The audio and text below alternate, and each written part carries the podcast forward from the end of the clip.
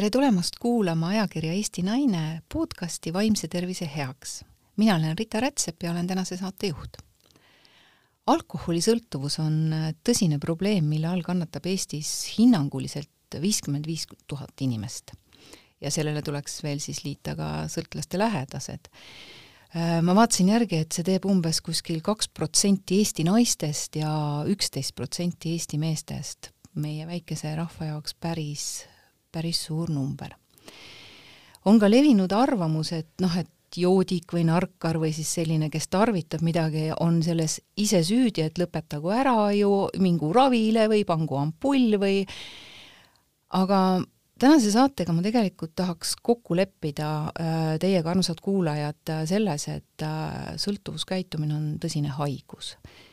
ja ma olen palunud endale stuudiosse appi Kaja Heinsalu, tere Kaja! Tere! sina oled sõltuvusnõustaja. see on siis inimene, kes aitab siis või on abiks nendele inimestele, kes on kaotanud kontrolli alkoholi tarbimise üle, on nii? jaa, nad pöörduvad minu poole sageli just sellel põhjusel, et nende kontroll on kadunud ja, ja see niisugune esimene soov on, et kuidas seda kontrolli taastada. mina sõltuvusnõustajana küll pean ka alati juba esimesel kohtumisel ütlema, et ma ei oska ühtegi sõltlast äh, kontrollitult jooma õpetada, küll aga tean ma üht-teist äh, kainest elust ja toeks ja abiks, kuidas elada kainena. Äh, ma tahaksin olla nendele inimestele, kes on jõudnud sellesse punkti elus, kus alkoholi tarvitamine või muude narkootiliste ainete tarvitamine on hakanud juhtima nende elu ja ma kuskilt lugesin, et sa oled öelnud, et kõik sõltlased on valetajad ja tervenenud sõltlased on veelgi paremad valetamise äratundjad. mis viitab natukene sellele, et äh, sul endal on olemas mingisugunegi kogemus, et ära tunda seda asja seestpoolt, et me saame asjadest paremini ära, kui meil on mingi isiklik kogemus ja me oskame olla paremini toeks. ja kas sa paari sõnaga mainiksid, et kuidas siis sinust sai sõltuvusnõustaja?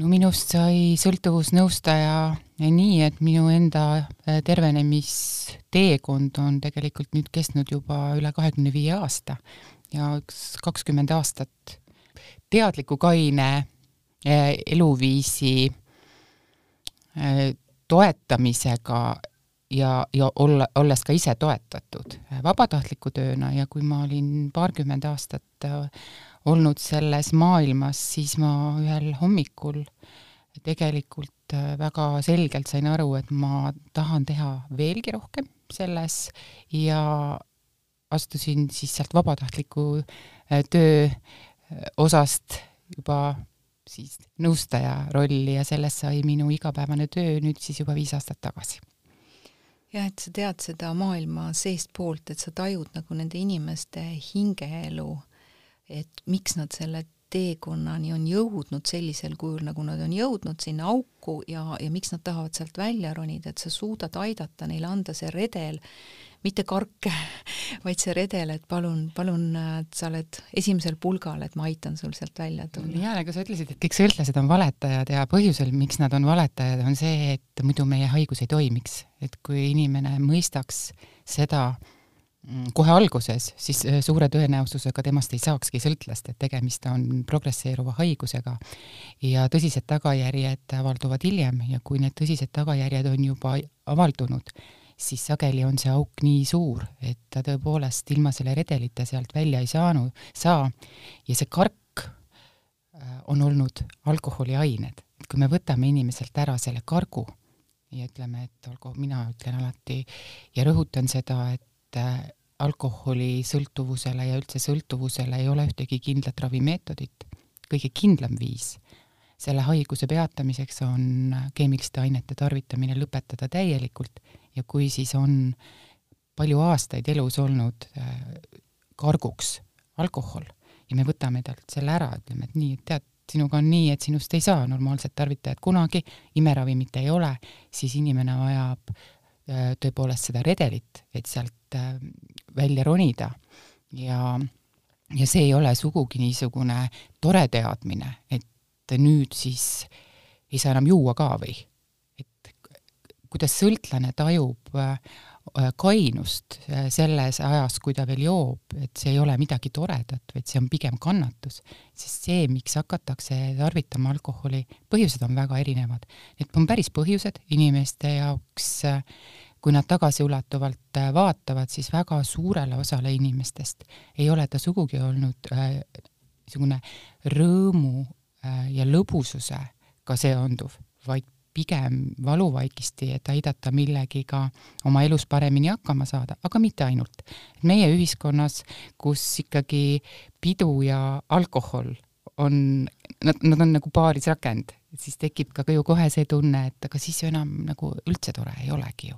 ja võib-olla tõepoolest inimene on elanud ära pika elu ja tal ei ole olnud ühtegi olulist sündmust elus, kus ta oleks olnud täielikult kaine ja, ja siis mõeldes, et nüüd ma pean hakkama siis kainelt elama, et üldse juua ei tohi või see ei ole küll midagi äh, sellist, mille peale äh, inimene esimese hooga võiks rõõmustada aga see on selline äh, meie kultuuriruumis, siis võtame meie kultuuriruumi siin praegu, äh, kus nagu eestlased peavadki sellist alkoholi nagu peo normaalseks osaks ja võib-olla isegi täiesti normaalne on nuputada siis oma mured või stress, äh, nagu leevendada seda alkoholiga ja ja tagasihoidliku ja kinnise rahvana võib-olla me oleme ka siis paremad suhtlejad, et ja tihti ka võib-olla öeldakse, et, et see on ka hea unerohi oh jaa, kuigi see on müüt, eks ju. kõik need, mida sa nimetasid, äh, on põhjused, miks inimesed tarvitavad alkoholi ja saavad ka selle kogemuse, et see tõepoolest aitab neid.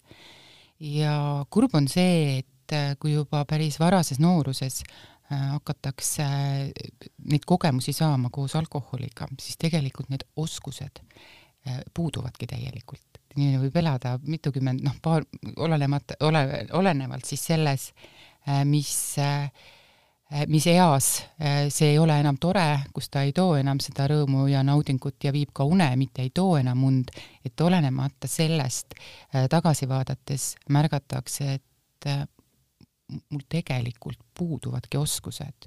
Pidutseda, rääkida tõsistest asjadest, saada kontakti oma tunnetega, tutvuda uute inimestega ja, ja seal on nii tugev veendumus ja uskumus pluss kogemus et äh, alkohol oli ju mulle abiks ja mis siis nüüd saab, kuidas siis nüüd saab, aga need on oskused, mida olenemata vanusest tulebki hakata uuesti õppima. aga sõltuvus ikkagi ei ole ainult käitumuslik probleem.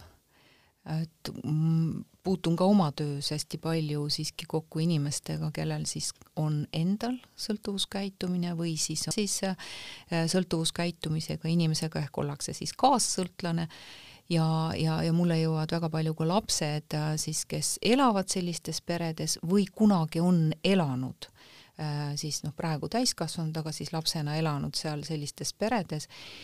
Ja see suhtumine on ikkagi üldiselt sellist alkoholitarbijat ründav ja, ja siis ma olen püüdnud nagu seletada ja ise ka sellest kõigest nagu aru saada, olles ka ise selle kõigega väga lähedalt kokku puutunud, et tegelikult on tegemist tundeelu haigusega. jaa, tegemist on vaimse haigusega, tundeelu haigusega, aga mitte ainult. mina äh, ja lähenen oma töös sõltuvusele kui bioloogilisele äh,, psühholoogilisele, sotsiaalsele ja vaimsele haigusele. tegemist on ajuhaigusega see, et miks alkohoolikust ei saa enam kunagi normaalsest alkoholitarvitajat, kuigi ta ju kunagi tarvitamise alguses seda oli, et seal on siis põhjused, muutused, mis on toimunud ajus, et ka väike kogus alkoholi võib siis sõltlasel pärast aastaid kestnud kainust mitte võib, vaid tegelikult varem või hiljem viib see kontrollitud tarvitamine tagasilanguseni, kellel juhtub see võib-olla esimese korraga kohe Äh, teise inimese puhul võib selleks kuluda kuid, võib-olla isegi aasta, et äh, jõuda tagasi sellesse kohta, kus ta siis oma tarvitamise lõpetas. aga olulisem osa, milles mina oma töös äh, keskendun, ongi psühholoogiline, sotsiaalne ja vaimne haigus. ja see tervenemine peab toimuma kõikides nendes kategooriates, sellepärast see niisugune imerelv, et et äh, andke mingi tablett, et inimene võtab alkoholi ja ta ei, ta ei, ta ei saa sellest siis äh, naudingut või ta tekib mürgituse reaktsioon.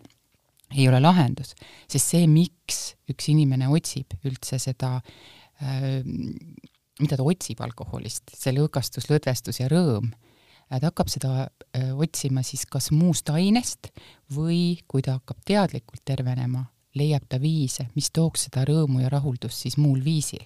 Et väga suur oht alkoholisõltlaste puhul on see, et kui nad siis keelavad omale alkoholi, aga tegelikult ei tegele siis vaimse poolega, äh, otsivad nad seda kiiret ja kerget äh, lahendust siis mõne muu aine näol, sest ka ainena on halb olla.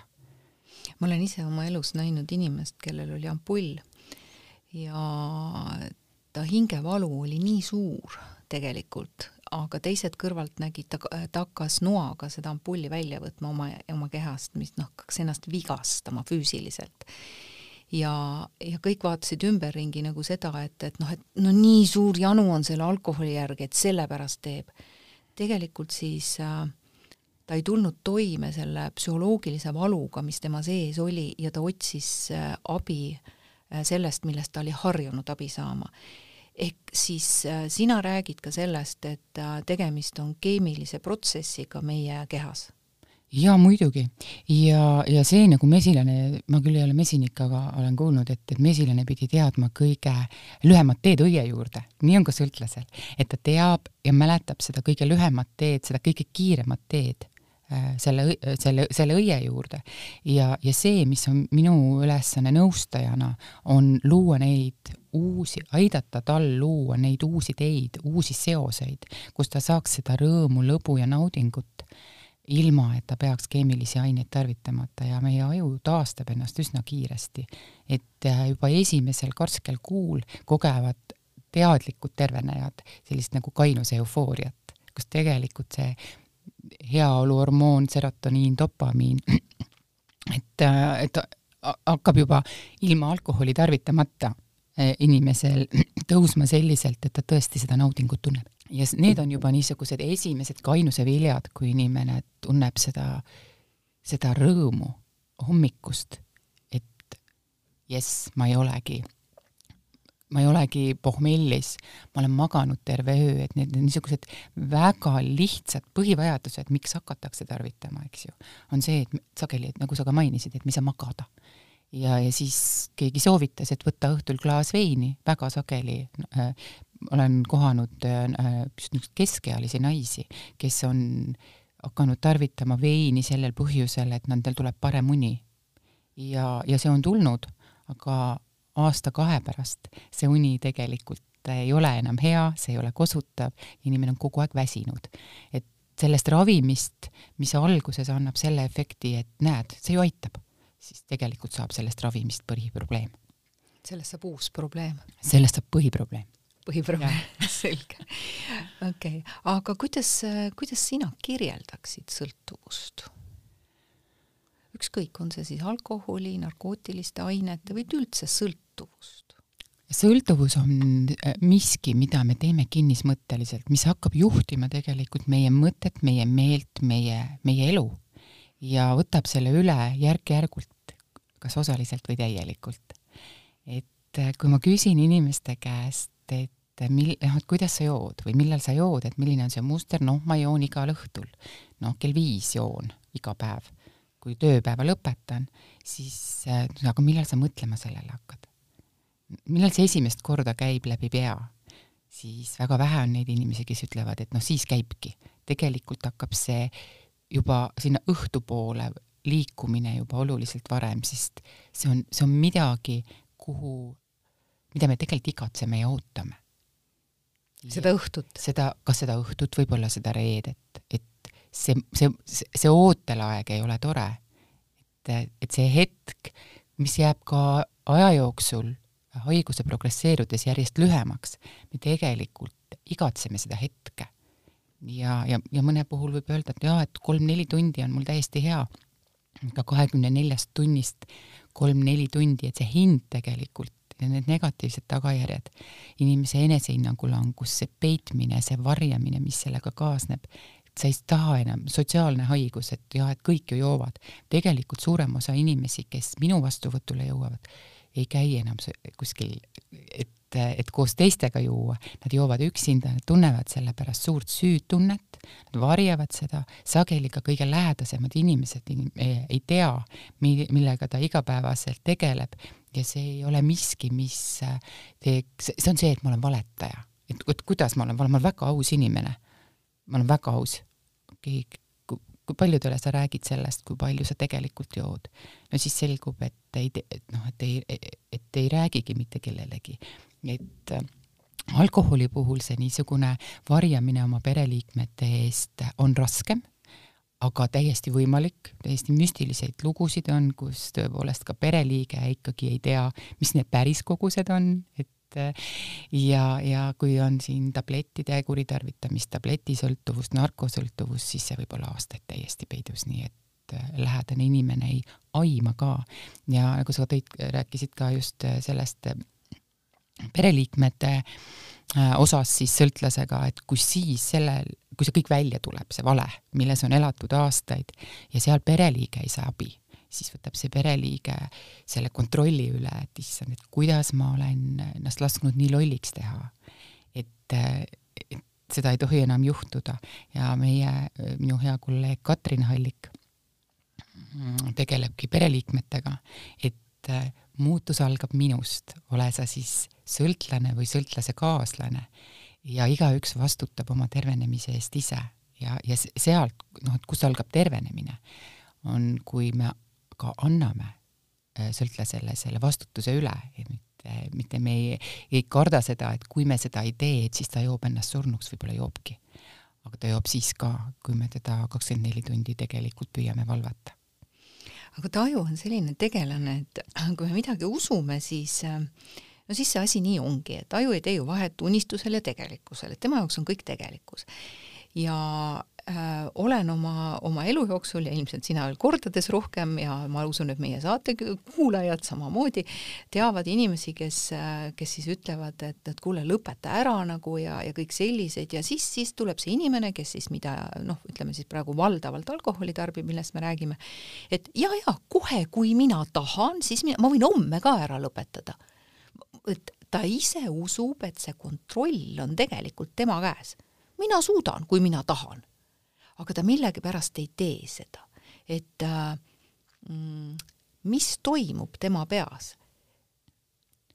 sõltuvus on haigus, mis mõjutab inimese mõtteviisi, ta võtab meie elus üle meie käitumise, meie mõtted ja see, et ära tunda, et milline on siis see sõltlaslik mõte ja milline on minu mõte, et see on see, mida me ka oma raviprogrammides õpetame inimest ära tundma, et kui sa oled mõnda aega kaine olnud ja kus on need tagasilanguse märgid ja üks esimesi märke on see, et äh, ma hakkan lubama omale mõtet, et üks pits ei tee mulle midagi. See on juba kaine, teadlikult tervenema inimese tagasilanguse protsess, aga kui ta üldse sellest mitte midagi veel ei tea ja on aktiivses sõltuvuses, siis see, et ta ütleb nii, ongi sõltlaslik mõtteviis, on üks sõltuvuse sümptomitest. Et sõltuvuse sümptom ei ole ainult see, et kui ma võtan klaasi, siis ma võtan teise ja kolmanda, vaid ka see, mis tähendab sõltlaslik mõtteviis. Ja see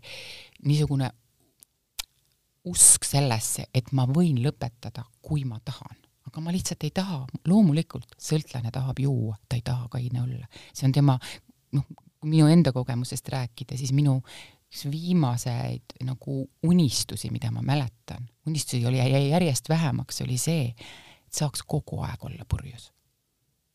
ja jook ei lõpeks. rohkem ma suurt ei mäleta midagi, et ma oleks veel millestki unistanud.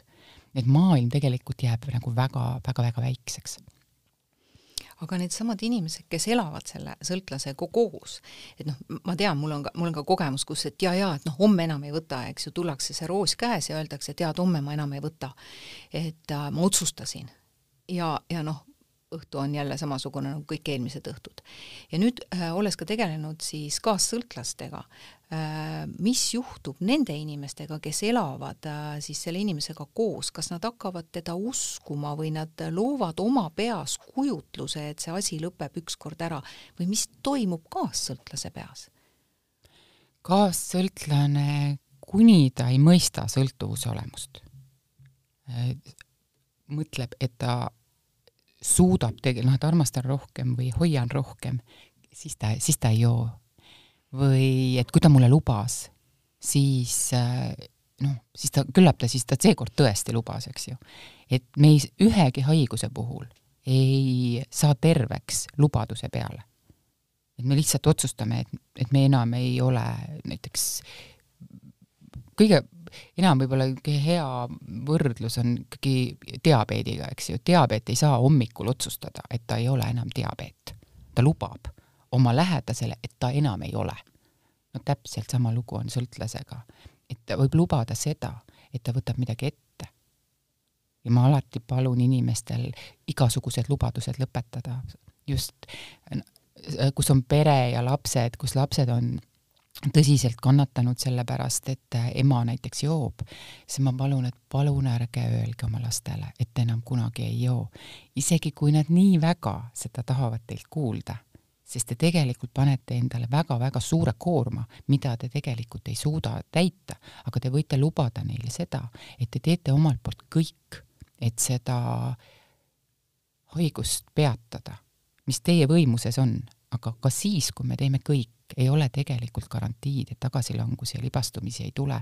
ja see on ka põhjus, miks on hästi oluline, et need pereliikmed mõistaks, et kui inimene libastub, haigus, mille puhul võib seda juhtuda ja see ei tähenda seda, et ta ei ole pingutanud, ta ei ole proovinud, see soov tegelikult püsib ikka väga tugevalt, et, et äkki minuga on nüüd juba kõik korras ja vahest üks libastumine ja tagasilangus võib olla väga hea õpetaja et anda inimesele seda noh, alandlikkust, et tõepoolest üks pits ongi minu jaoks joomine ja kui, kui sellest õppida, siis see ei ole midagi, mi-, mis oleks veel nagu katastroof.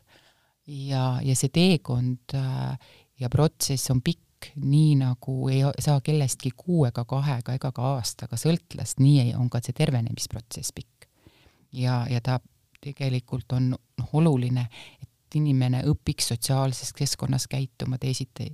Selle, seda ei saa teha kuu ega kahega, me oleme aasta aega praktiliselt siin kõik istunud juba isolatsioonis ja, ja need niisugused sotsiaalse mm, surve olukorrad on inimestel täiesti veel läbi kogemata, me ei saa teha seda kuskil oma, et teeme mõtetes, väga oluline on seda plaani omada, aga reaalselt hakkab see toimuma ikkagi siis, kui me sellesse keskkonda läheme. kõik meie olukorrad, kaotused, ütleme pulmad ja matused, kui sa oled need kainena juba vähemalt korra nagu läbi teinud, siis võib öelda seda, et sa oled kirjutanud midagi oma elus juba nagu üle. kuni sa seda teinud ei ole, eh, sul tegelikult seda kogemust ei ole. ja, ja need on need päästikud, mis igalühel on erinevad aga on ka ikkagi niisugused väga tavapärased, eh, millest kinni pidada, et eh, see väsimus, nälg, viha, üksildus ja me saame teadlikult õppida tasakaalustatud noh, elu, aga aeg-ajalt läheb see ikka käest ära. et see on üks elukestev õpe? see on tegelikult. üks elukestev õpe ja me teadlikult peame elama kogu aeg sellega ja teadma, mida teha, kui on ja kust küsida abi ja millele toetuda kui need olukorrad tulevad, et, et see noh, ei ole imeravimit, mis aitaks ja õpetaks inimestes äh, tegelikult neid, neid, neid oskusi. et me võime teha rohkem sporti, see on väga hea ja toetav tegevus. aga ainult sellest ei piisa, see ei aita kuidagi noh, meie, meie mõtteviisi tegelikult äh, ja teadmisi sõltuvusest suurendada, küll nad, see mõjutab meie füüsist, sealjuures ka vaimu ja iga niisugune hea otsus, mida me teeme oma tervise heaks, toob kaasa järgmise hea ja parema valiku. aga, aga ühest heast äh, tegevusest ja kindlasti ei piisa. Nojah, kui ta, kui ta tegelikult võib muutuda nagu peitmiseks, et see sõltuvus iseenesest on ju tegelikult lõks, ülesportimine on täpselt samamoodi ju põgenemine ja lõks et me ei taha kontakti saada oma tunnetega, mis meie sees on, ja siis me otsime midagi, mis tekitab korraks heaolutunde ja, ja siis see võib olla ülesöömine, see võib olla ülesportimine, ületöötamine ja alkohol ju kuulub täpselt samamoodi sinna ja sõltlasel on väga suur oht hakata tegema midagi, mis annab talle heaolutunnet, et mis on sõltuvus, eks ju, et midagi, mida, mis on mulle hea, ma teen seda järjest rohkem, kõik need asjad, mida sa nimetasid, need võivad saada eh, uueks kas sõltuvuseks või selle, viia selleni inimese, et ta on ühel päeval nii väsinud ja kurnatud sellest kõigest ja kui tal ei ole tegelikult seda lõõgastuse ja lõdvestuse oskust, siis ta kasutab jälle sedasama, mis tal ju minevikus on selleks olnud. et äh, on olnud inimesi, kes ütlevad, et ma kogu oma aja planeerin ära, et siis mul ei ole aega juua ja joomiseks ma usun, iga sõltlane, kes mind praegu kuulab või muigab, et joomiseks leiame me alati aega ja raha. et, et see ei ole üldse küsimus, kui see hetk nagu saabub. ja kui meil selle, ja kui me ei võta nagu tõsiselt neid soovitusi, et noh, mina olen eriline inimene, et mina ei pea neid asju tegema, et kust algab tagasilangus. et see niisugune tegelikult juba nagu seal nulli peal olek, et kus see, kus see himu hakkab kasvama, on see, kus me arvame, et meie ei pea selleks mitte midagi muud tegema, kui lihtsalt mitte jooma. jube lihtne tegelikult ju kõrvalt öeldakse ka, kuule lõpeta ära, kaua sa jood niimoodi, lõpeta ära et kui see oleks nii lihtne, et tegelikult see sõltuvuskäitumine, ka alkoholism, samamoodi ju tegelikult tubaka tarvitamine, kõik need on ikkagi psühholoogilised probleemid ja need on vaimse tervise probleemid. ja nendega peaks minema sinna juuretasandile, et saada aru, et miks, miks see niimoodi on, miks on juhtunud, et miks see protsess on selliseks läinud. aga kuidas sina suhtud äh, sellesse, mis öeldakse alkoholigeen? Et noh, meie suguvõsas on juba alkoholigeen sees, et see on kohati nagu isegi äh, selline õigustus ehm,. uuringud on näidanud või vähemalt mina olen lugenud nii palju et, et viiskümmend protsenti on geneetiline eelsoodumus küll aga hea uudis kõigile, kelle siis see alkoholigeen on sees, et ükski geen mitte kedagi haigeks ei tee. et et äh, selleks, et ikkagi inimesest saaks sõltlane, selleks peab ta tarvitama. Ja kui te teate, et teil see geen on, siis tasub kindlasti olla väga tähelepanelik, sest geeniuuringud minu teada veel Eestis nii kaugele arenenud ei ole, et meil oleks enne võimalik äh, teada, kas me oleme selle geeni pärinud või ei ole seda geeni pärinud et üks huvitav fakt on, et, et kellel on geneetiline eelsoodumus, et need saavad juba nagu esimese tarvitamise kogemusega sellise mm, tohutu nagu heaolutunde, et nagu kohtumine ema naeratava näoga, et vau, et see on nagu nii hea ja, ja ka minu praktikas, kui ma inimestega kaardistan nende alkoholi tarvitamise ajalugu, siis äh, seda, et nagu ei olegi nagu kunagi olnud seda niisugust nii-öelda normaalset tarvitamist, et kohe alguses läks väga käest ära.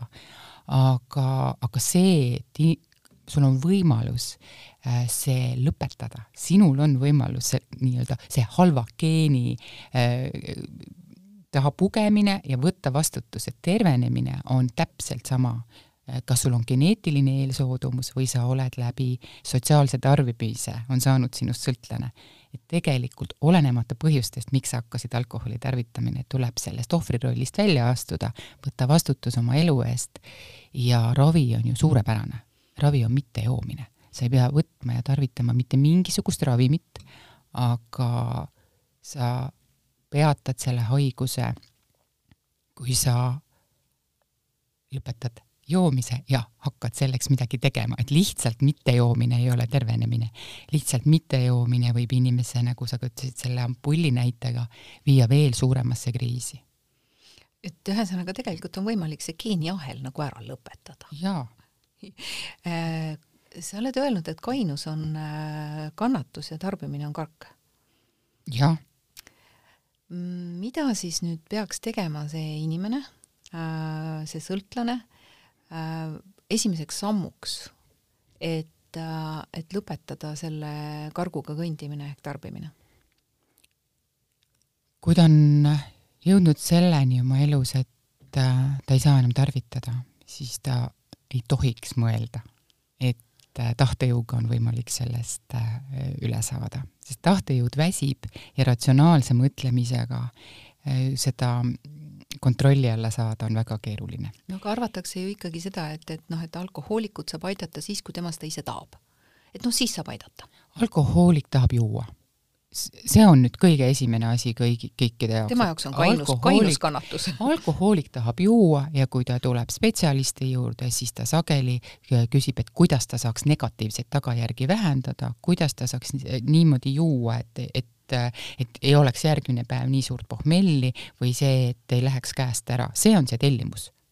Aga, aga mina soovitan, et äh, otsige abi, ei ole ühte kindlat äh, raviviisi, mis kõiki aitaks, aga mina isiklikult usun kõige rohkem sellesse, mis on tervenenud ja tervenevate sõltlaste kogemus, erinevaid äh, tugigruppe, siinkohal esimese valikuna, kui, kui öelda, et noh, et kus peab siis inimene minema, kui tal, kui tal raha ei ole, eks ju, siis anonüümsete alkohoolikute grupid, üks võimsam organisatsioon maailmas, mis on ju läbi aastate äh, aidanud ja, ja aitab nii sõltlast ennast kui kes, kes seal vabatahtlikuna on, et tänapäeval internetikeskkonnas, kui palju, ütleme, et ka otsida neid, vaadata neid võimalusi, mida pakub ka kogukond tervenevatest sõltlastest terves, terves maailmas, et see selles osas, eh, selle taha kindlasti pugeda ei tasuks, et, et mul ei ole võimalusi või kus see sõltlane peaks nagu nüüd siis seda, seda eh, noh, tasulist teenust või arsti järjekorrad on nii pikad, et kindlasti tasuks enda jaoks läbi vaadata. Need võima-, need variandid, siis erinevad kliinikud, mina siis pakun samamoodi seda äh, sõltuvusnõustamist, raviprogramme ja ma kunagi ei käi nagu noh, et ühest nõustamisest kindlasti nagu ei ole kasu. või et käin siis, kui mul vaja on, et ma tulen siis, kui mul on vaja, et äh, see selline süsteemsus, äh, kuidas olla toetatud oma kaine elu algusel, on hästi-hästi tähtis. et imeravimit otsima minnes, et läheme teeme ühe hüpnoosiseansi ja siis olemegi terved, et sellesse ma küll ei usu no jaa, aga see inimene peab ikkagi selleni kuidagi jõudma. et, et noh, kui see naine näägutab seal kodus või sõbrad juba juhivad tähelepanu, et kuule, et sul on vist nagu mingi probleem, siis noh, loomulikult ta otsib ju tuhat põhjendust ja seletab ilusti ära kõik ja ja et tegelikult tal ikka ei ole probleemi ja nii edasi, et kas noh, kuida-, kuidas siis see inimene sinna ükskõik gruppi või nõustaja juurde, et kuidas ta sinna jõuab, siis ta ei jõua ju, ta ju ütleb, et ta, kui ma tahan, siis ma homme lõpetan ära. et noh, ta ikka tunneb, et see võim on ju tema käes et mis peab inimesega juhtuma, et ta tõesti äh, võtab vastu selle otsuse, et nii, kõik, nüüd ma hakkan midagi tegema, sest et noh, tegelikult äh, kaine olemine ju on kannatus, et tema ju tahaks aga taas ja taas kogeda seda uut naudingut tegelikult ja ta on selles noh, nii-öelda oravrattas või selles suletud ringis sees, et et mis peab juhtuma, et ta selle, sellest välja hakkab astuma üldse? kuni veel ikka plussid ületavad miinuseid, siis on väga raske inimest sealt tegelikult äh, tuua välja. et teraapia üks eesmärke on ka tõsta seda põhja ülespoole ja näidata tegelikult, et see noh, kuhu nagu teel ollakse aga kõige lihtsam on loomulikult siis, kui me oleme kaotamas või kaotanud enda jaoks kedagi või midagi ole äh, olulist. naine paneb ukse kinni, ütleb, ma lähen minema. jaa, või mees, kui ja. tervis äh,, kelle jaoks on mis siin elus väärtused, meil kõigil on erinevad väärtused ja, ja kui sa näed, et tõesti, see on mustvalgel nüüd, et äh, vahest võib olla väga kainestav vaadata oma tervisenäitajaid kui, kui need on ikkagi väga selgelt halvenenud ja sa tead, et seal taga on pikk alkoholi tarvitamine ja arst ütleb otse välja sulle, et tead, kallis mees, pikka elu siin enam ei ole, võib olla väga kainestav see, et me oleme kaotanud oma armsa lähedase inimese, sest kahjuks on sõltuvushaiguse puhul ikkagi see, et me teeme haiget neile, kes on meile kõige armsamad ja kõige lähedasemad. ja see tekitab väga suurt süü- ja häbitunnet ka igas inimeses, aga ta ei suuda lõpetada. Ja sealt tuleb väga see suur konflikt, et inimesel, et naisel võetakse ära lapsed ja ta ikka joob edasi. et see näitab, kui tõsine on see haigus, et me, me tõesti kõik, mis on meile elus väga-väga oluline, kaotame ja joome edasi, sest me lihtsalt ei suuda lõpetada aga seal võib juhtuda ka veel teisipidi, et, et kui midagi nagu võetakse elust ära, on see tervis või lähedased inimesed, siis see mure läheb veel suuremaks ja tegelikult kukutakse veel suuremasse auku, et seda, seda uut valu äh, veel rohkem leeveneda, leevendada. see, see juhtub väga sageli, et äh, selle kaotusega kaasneb veel nagu sügavam, sügavam auk ja ega mina oma igapäevases töös puutun kokku siiski nende inimestega, kelle jaoks see kaotus on olnud nii kainestav, et nad on minu juurde jõudnud, need, kes selle augu veel sügavamaks kaevavad ja võib-olla ei saagi sealt august kunagi välja, kahjuks ma nendega ei kohtu. selles mõttes oli alles hiljuti ilmunud raamat Kainus, mille sina ja siis Neeme Raud kahe peale kohasse vist kirjutasite ja et ma lugesin ka selle kaanest kaaneni läbi, mulle väga meeldis selle raamatu äh, kujundus ka, et läbi aegade üks selline tõsiselt raamatut toetav äh, kujundus, hästi ilus. Ja väga-väga ladusalt ja hästi kirjutatud, äh, kirjutatud raamat. ja minu meelest ka väga vajalik raamat. Et see oli ka üks põhjus, miks ma, miks ma su siia kutsusin, et, et see teema on tegelikult väga-väga oluline inimestele rääkida, sest et alkoholiprobleeme on väga palju ja viimase aasta jooksul on see ka veel eriti süvenenud. kes võiks olla see inimene, kes selle raamatu kätte võtab, kes võiks olla see inimene, keda selline raamat paneks mõtlema, et vot nüüd on see koht, kus mina pean tõusma püsti ja minema otsima abi, minema ravile, tegelema oma vaimse tervisega iseenda ja oma lähedaste jaoks. minul oleks muidugi väga hea meel kui seda raamatut loeksid äh, inimesed ka, kes ütlevad, et äh, noh, lõpetage ära. et, et miks te nagu joote? et see, et rohkem mõista, see number viiskümmend tuhat inimest pluss pereliikmed pluss meie kolleegid, et, äh, et alustaks täiesti sellest, et see on üks haigus, mida, millega kaasneb nii palju sildistamist, et inimesed lihtsalt saaksid ja mõistaksid natukene paremini seda, miks see sõltlane siis ära ei lõpeta. ja, ja muidugi noh, mõeldes ikkagi kõige rohkem nendele inimestele kirjutasime seda raamatut, kes ei julge, ei taha äh, seda otsust teha ja et äh, ehk selle nurga taha pöörata, et olla toeks sellel kainuse, kainuse teekonnal. ja seal on äh, minu hea kolleegi Katrin Halliku ja doktor Kati Redlichiga ka intervjuud, et see ei ole ainult sõltlastele, see on nende pereliikmetele, see on arsti pilk, et see ei ole ainult minu, minu äh, jutt seal sees, mida mina siis oma, oma kogemusega olen elus äh, elus näinud nii enda tervenemisel kui teiste inimeste sõltlaste toetamisel, et mul oli väga nagu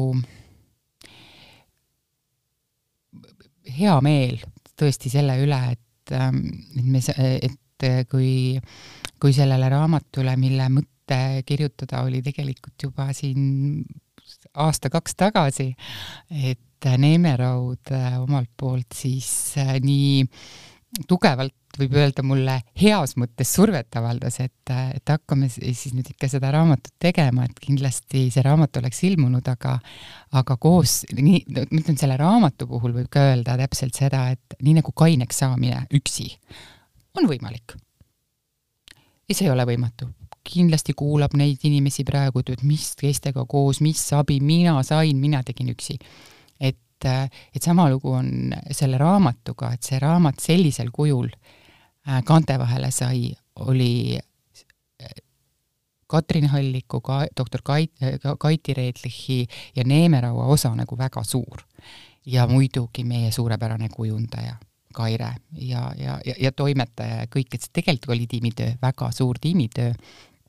ja et me võime üksi punnida siin elus, aga, aga koos kindlasti tulevad äh, paremad asjad äh, välja ja samamoodi on ka selle, mitte ainult kainuse raamatuga, vaid üldse äh, kaineks olemisel, et äh, kunagi ütles üks mees mulle nii toredasti, et ähm, kes ei tahtnud väga grupiteraapiasse tulla, aga ma ikkagi suutsin teda veenda selles, et ta tuleks ja ja, ja siis ta, kui ta oli oma protsessi kokku võtnud ja üks uus inimene oli grupis, siis ta ütles nii toredasti, et no Kajaga on nüüd tore ju seal kabinetis rääkida, aga grupis on see tunne lihtsalt kümme korda tugevam. et see, et me ei ole üksi, et see tugi ja abi on olemas, et me hä-, see häbi ja süütunne selle sõltuvuse puhul on nii tugev, et noh, saaks kuidagi nii, et, et keegi ei saaks teada, oleks mingi imenipp, et, et, et kõik saaks korda aga, aga see vabanemine, mis, mis toimub sellega, kui sa näed, et on üks koht ja inimesed, kus sa oled kuuldud, kus sa oled mõistetud, on inimese üks põhivajadusi. See on kindlasti väga raske, arvestades veel seda nii-öelda loomu poolest kinnist inimest, kes on siis oma probleeme nagunii enda sisse nii-öelda surunud ja siis seda veel alkoholiga alla loputanud, et see ikka võimalikult seal nii põhjas oleks, et jumala pärast ei näeks, mis mu sees toimub. Ja ta teeb seda veel kuskil suletud ukste taga omaette juba lõpuks, et ei ole nii, et kõlistan šampanjaklaasi kuskil vastuvõtul, vaid vastupidi, et, et need kogused ja taarahunnikud on seal kuskil pimeda kodu nurgas nurgas ja, ja, ja, ja nüüd sa ütled, et see inimene peaks tulema siis sealt pimedusest, iseenda pimedusest ja, ja kodupimedusest välja kuskile gruppi, ma kujutan ette juba vaimusilmas, kui arglikult ta võiks sealt ukse vahelt üldse piiluda no ikka see esimene tunne ikka reeglina on alati see suur ärevus. see on ikka hirm, see on ikka jube suur hirm. see on hirm. suur ärevus, et noh, mis siis, et sa oled võib-olla teinud ennast väga suurtes seltskondades väga lolliks äh, ja käitunud ääretult äh, halvasti joobes, aga see kaineks saamine ja tunnistamine on, on muidugi raske, aga täpselt esimese korrani ja, ja see häbi ja süütunne on ju ka üks peamisi põhjuseid, miks inimesed ei otsi abi, seda on ka uuringud kinnitanud, et see on nii. aga noh, inimesel jällegi, et sul on nagu valik, et äh, kas sa astud sealt pimedusest siis nüüd välja, sealt pimedast kapslist, nagu me ka selles Kainuse raamatus nii kirjutame ja ka visuaalselt on see väga hästi seal välja toodud, et, äh, et noh, see on sinu elu, et kelle asi lõppude lõpuks, eks ju et, et sa ikkagi julgustad inimesi, äh, kes, äh, kes praegu meid ka kuulavad, kes võib-olla on sellega seotud äh, siis tarbijana või kaassõltlasena või teab kedagi, kes teab kedagi, et astu, astu välja, et sa ikka julgustad seda grupi, grupi mina julgustan lihtsalt ka abi otsima, et ma teen iga neljapäev mul tasuta infotunnid, kus, kus ma ka siis ütlen, et noh, võimalikult palju neid nagu võimalusi anda inimesel tegelikult tulla seda abi otsima. kus sul on tasuta? jaa, Confido sõltuvusravikliinikus ma igapäevaselt töötan, ma iga nädal neljapäeval kell kaksteist teen tasuta infotundi, kus ma räägin sõltuvust, kus ma, kus ma räägin siis sellest protsessist, mida inimene peaks läbi tegema, et tema joomist siis lõpetada ja, ja millised on need võimalused, et eh, ega siis eh, noh, see esimene samm, et astu sealt pimedast kapslist välja ja võta midagi ette ja, ja ütlen ka siin ja ütlen, ka viskan natukene nalja grupis ka sellega, aga tegelikult ma päriselt mõtlen ka nii, et kui kaine elu ei ole, et tule ja kui kaine elu ei ole parem kui joov, siis sa võid edasi juua aga kuni sul seda teadliku kainuse kogemust ei ole, nii kaua on tegemist eelarvamusega. ja, ja mõelda seda, et, et noh, et mida meil on vaja, meil on vaja uusi teadmisi ja tegevust. ja ka grupis väga palju inimesi, kes on minust oluliselt nagu targemad inimesed, aga need teadmised ei aita neil kaine püsida. et see, kuidas me kaineks saame, peame me sealt puu otsast alla tulema, sealt kõikvõimsusest alla tulema ja hakkama järgima neid väga lihtsaid põhimõtteid. olenemata sellest, milline on meie sotsiaalne staatus, mitmeid, mitu ülikooli me oleme lõpetanud, et äh, vahest võivad need äh, väga suured teadmised ja positsioon olla väga suur takistus inimese jaoks. veel suurem hirm tegelikult, et, äh, ja, et ma olen mingi staatuse saavutanud ja, ja, ja ma püüan seda nüüd siis kramplikult hoida, et jumala pärast keegi ei teaks ja ise naeravad nad ka seal alati, et noh, kui nagu naeruväärne see tegelikult oli, et tegelikult ju kõik teadsid ja, ja kaotatud töökohad, purunenud suhteid, täna ka järjest rohkem kaotatud vabadust. et see hind, mida siis oma tarvitamise jätkamise eest äh, makstakse, on väga-väga ränk. Ja ega siis sõltlane ei tee ju niisuguseid vastutustundlikke tegusid. Ja üks nendest on see, et istutakse purjus peaga rooli. Ja reaalselt järjest rohkem äh, on minu vastuvõttudele jõudnud inimesi, kes mitte ainult ei ole kaotamas vabadust, vaid kes on kaotanudki vabaduse.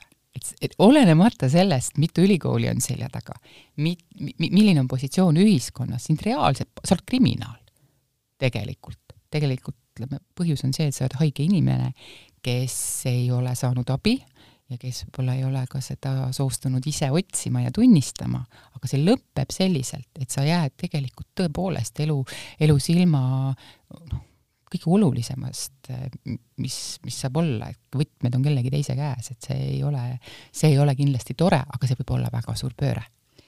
jah, ja, ja, ja, ja mingisugune selline müüt on ju ka, et, et me ei suuda tunnistada seda, et tegemist on reaalselt haigusega et see, see, see müüt ikkagi saadab äh, ühiskonnas neid inimesi, kes tarvitavad ja neid inimesi, kes siis äh, seda kõrvalt vaatavad, ükskõik siis äh, kas või näeb tänaval tuigerdavat inimest või mis iganes, see müüt saadab meid tegelikult. sa küsisid, kellel see raamat on, selle alustasingi sellest, et see on ka tegelikult täiesti tavalistele inimestele, see on ka harituse küsimus. et kui ma ka praegu noh, kuulan, kuna seoses selle kainuse raamatuga on ka rohkem sellest ajakirjanduses, siis ikkagi see see arvamus on ikkagi see, et kuulge, mida te siin nüüd nagu jälle teete või miks te sellest kogu aeg räägite ja, ja, ja noh, mina sain või, või noh, veel hullem kui see, et pole seda probleemi üldse olnud, et nüüd, et äh, ühiskond tõesti võiks jõuda äh, selleni, et see on haigus nagu iga teine, aga selle haiguse ravi on nii palju keerulisem ja nii palju pikem äh, kui äh,, kui võib-olla osatakse üldse ette kujutada, et see tõepoolest on üks häire, millega me peame õppima sõltlastena elama terve elu ja sellest kinni pidama, et elada siis oma parimat elu kainena üks põhjus ka, miks, äh, miks mina seda tahtsin, seda tänast podcasti teha ja, ja oma heade kuulajatega jagada, et see info võimalikult palju liiguks ja, ja palusin ka sul siia tulla, on see, et see on üks äh, väga tõsine haigus, see on nii nähtamatu haigus, et, äh, et me ei teadvusta seda, kuidas ta järjest rohkem kisub sõltlast sinna auku ja kui tugevalt ta tegelikult mõjutab neid inimesi, kes temaga kokku puutuvad.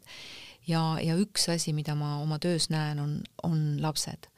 kui tugevalt on lapsed mõjutatud täiskasvanud inimesest, oma emast-isast, kellest sõltub nende turvatunne, kõik, ja kui see inimene, kes on talle kõige olulisem, käitub ebaadekvaatselt, see mõjub lapsele hirmutavalt ja kui sinna kaasnevad veel füüsiline vägivald ja kõik muud sellised vaatepildid, siis see jätab eluaegse trauma.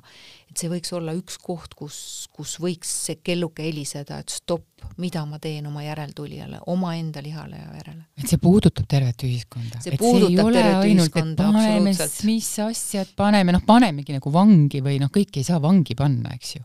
et ja. siin pandi meid kaheks kuuks eelmine aasta vangi kõik, eks ju, ja mis juhtus, et noh, tegelikult inimesed hakkasid väga väga palju rohkem alkoholi tarvitama ja, ja see, et mis on siis sõltuvus, et kuidas meie elu muutub juhitamatuks, et igaüks, kui peres, kus äh, on ema või isa on sõltlane, kuidas te tunnete ennast autos, kus juht, juhti ei ole või juht on purjus?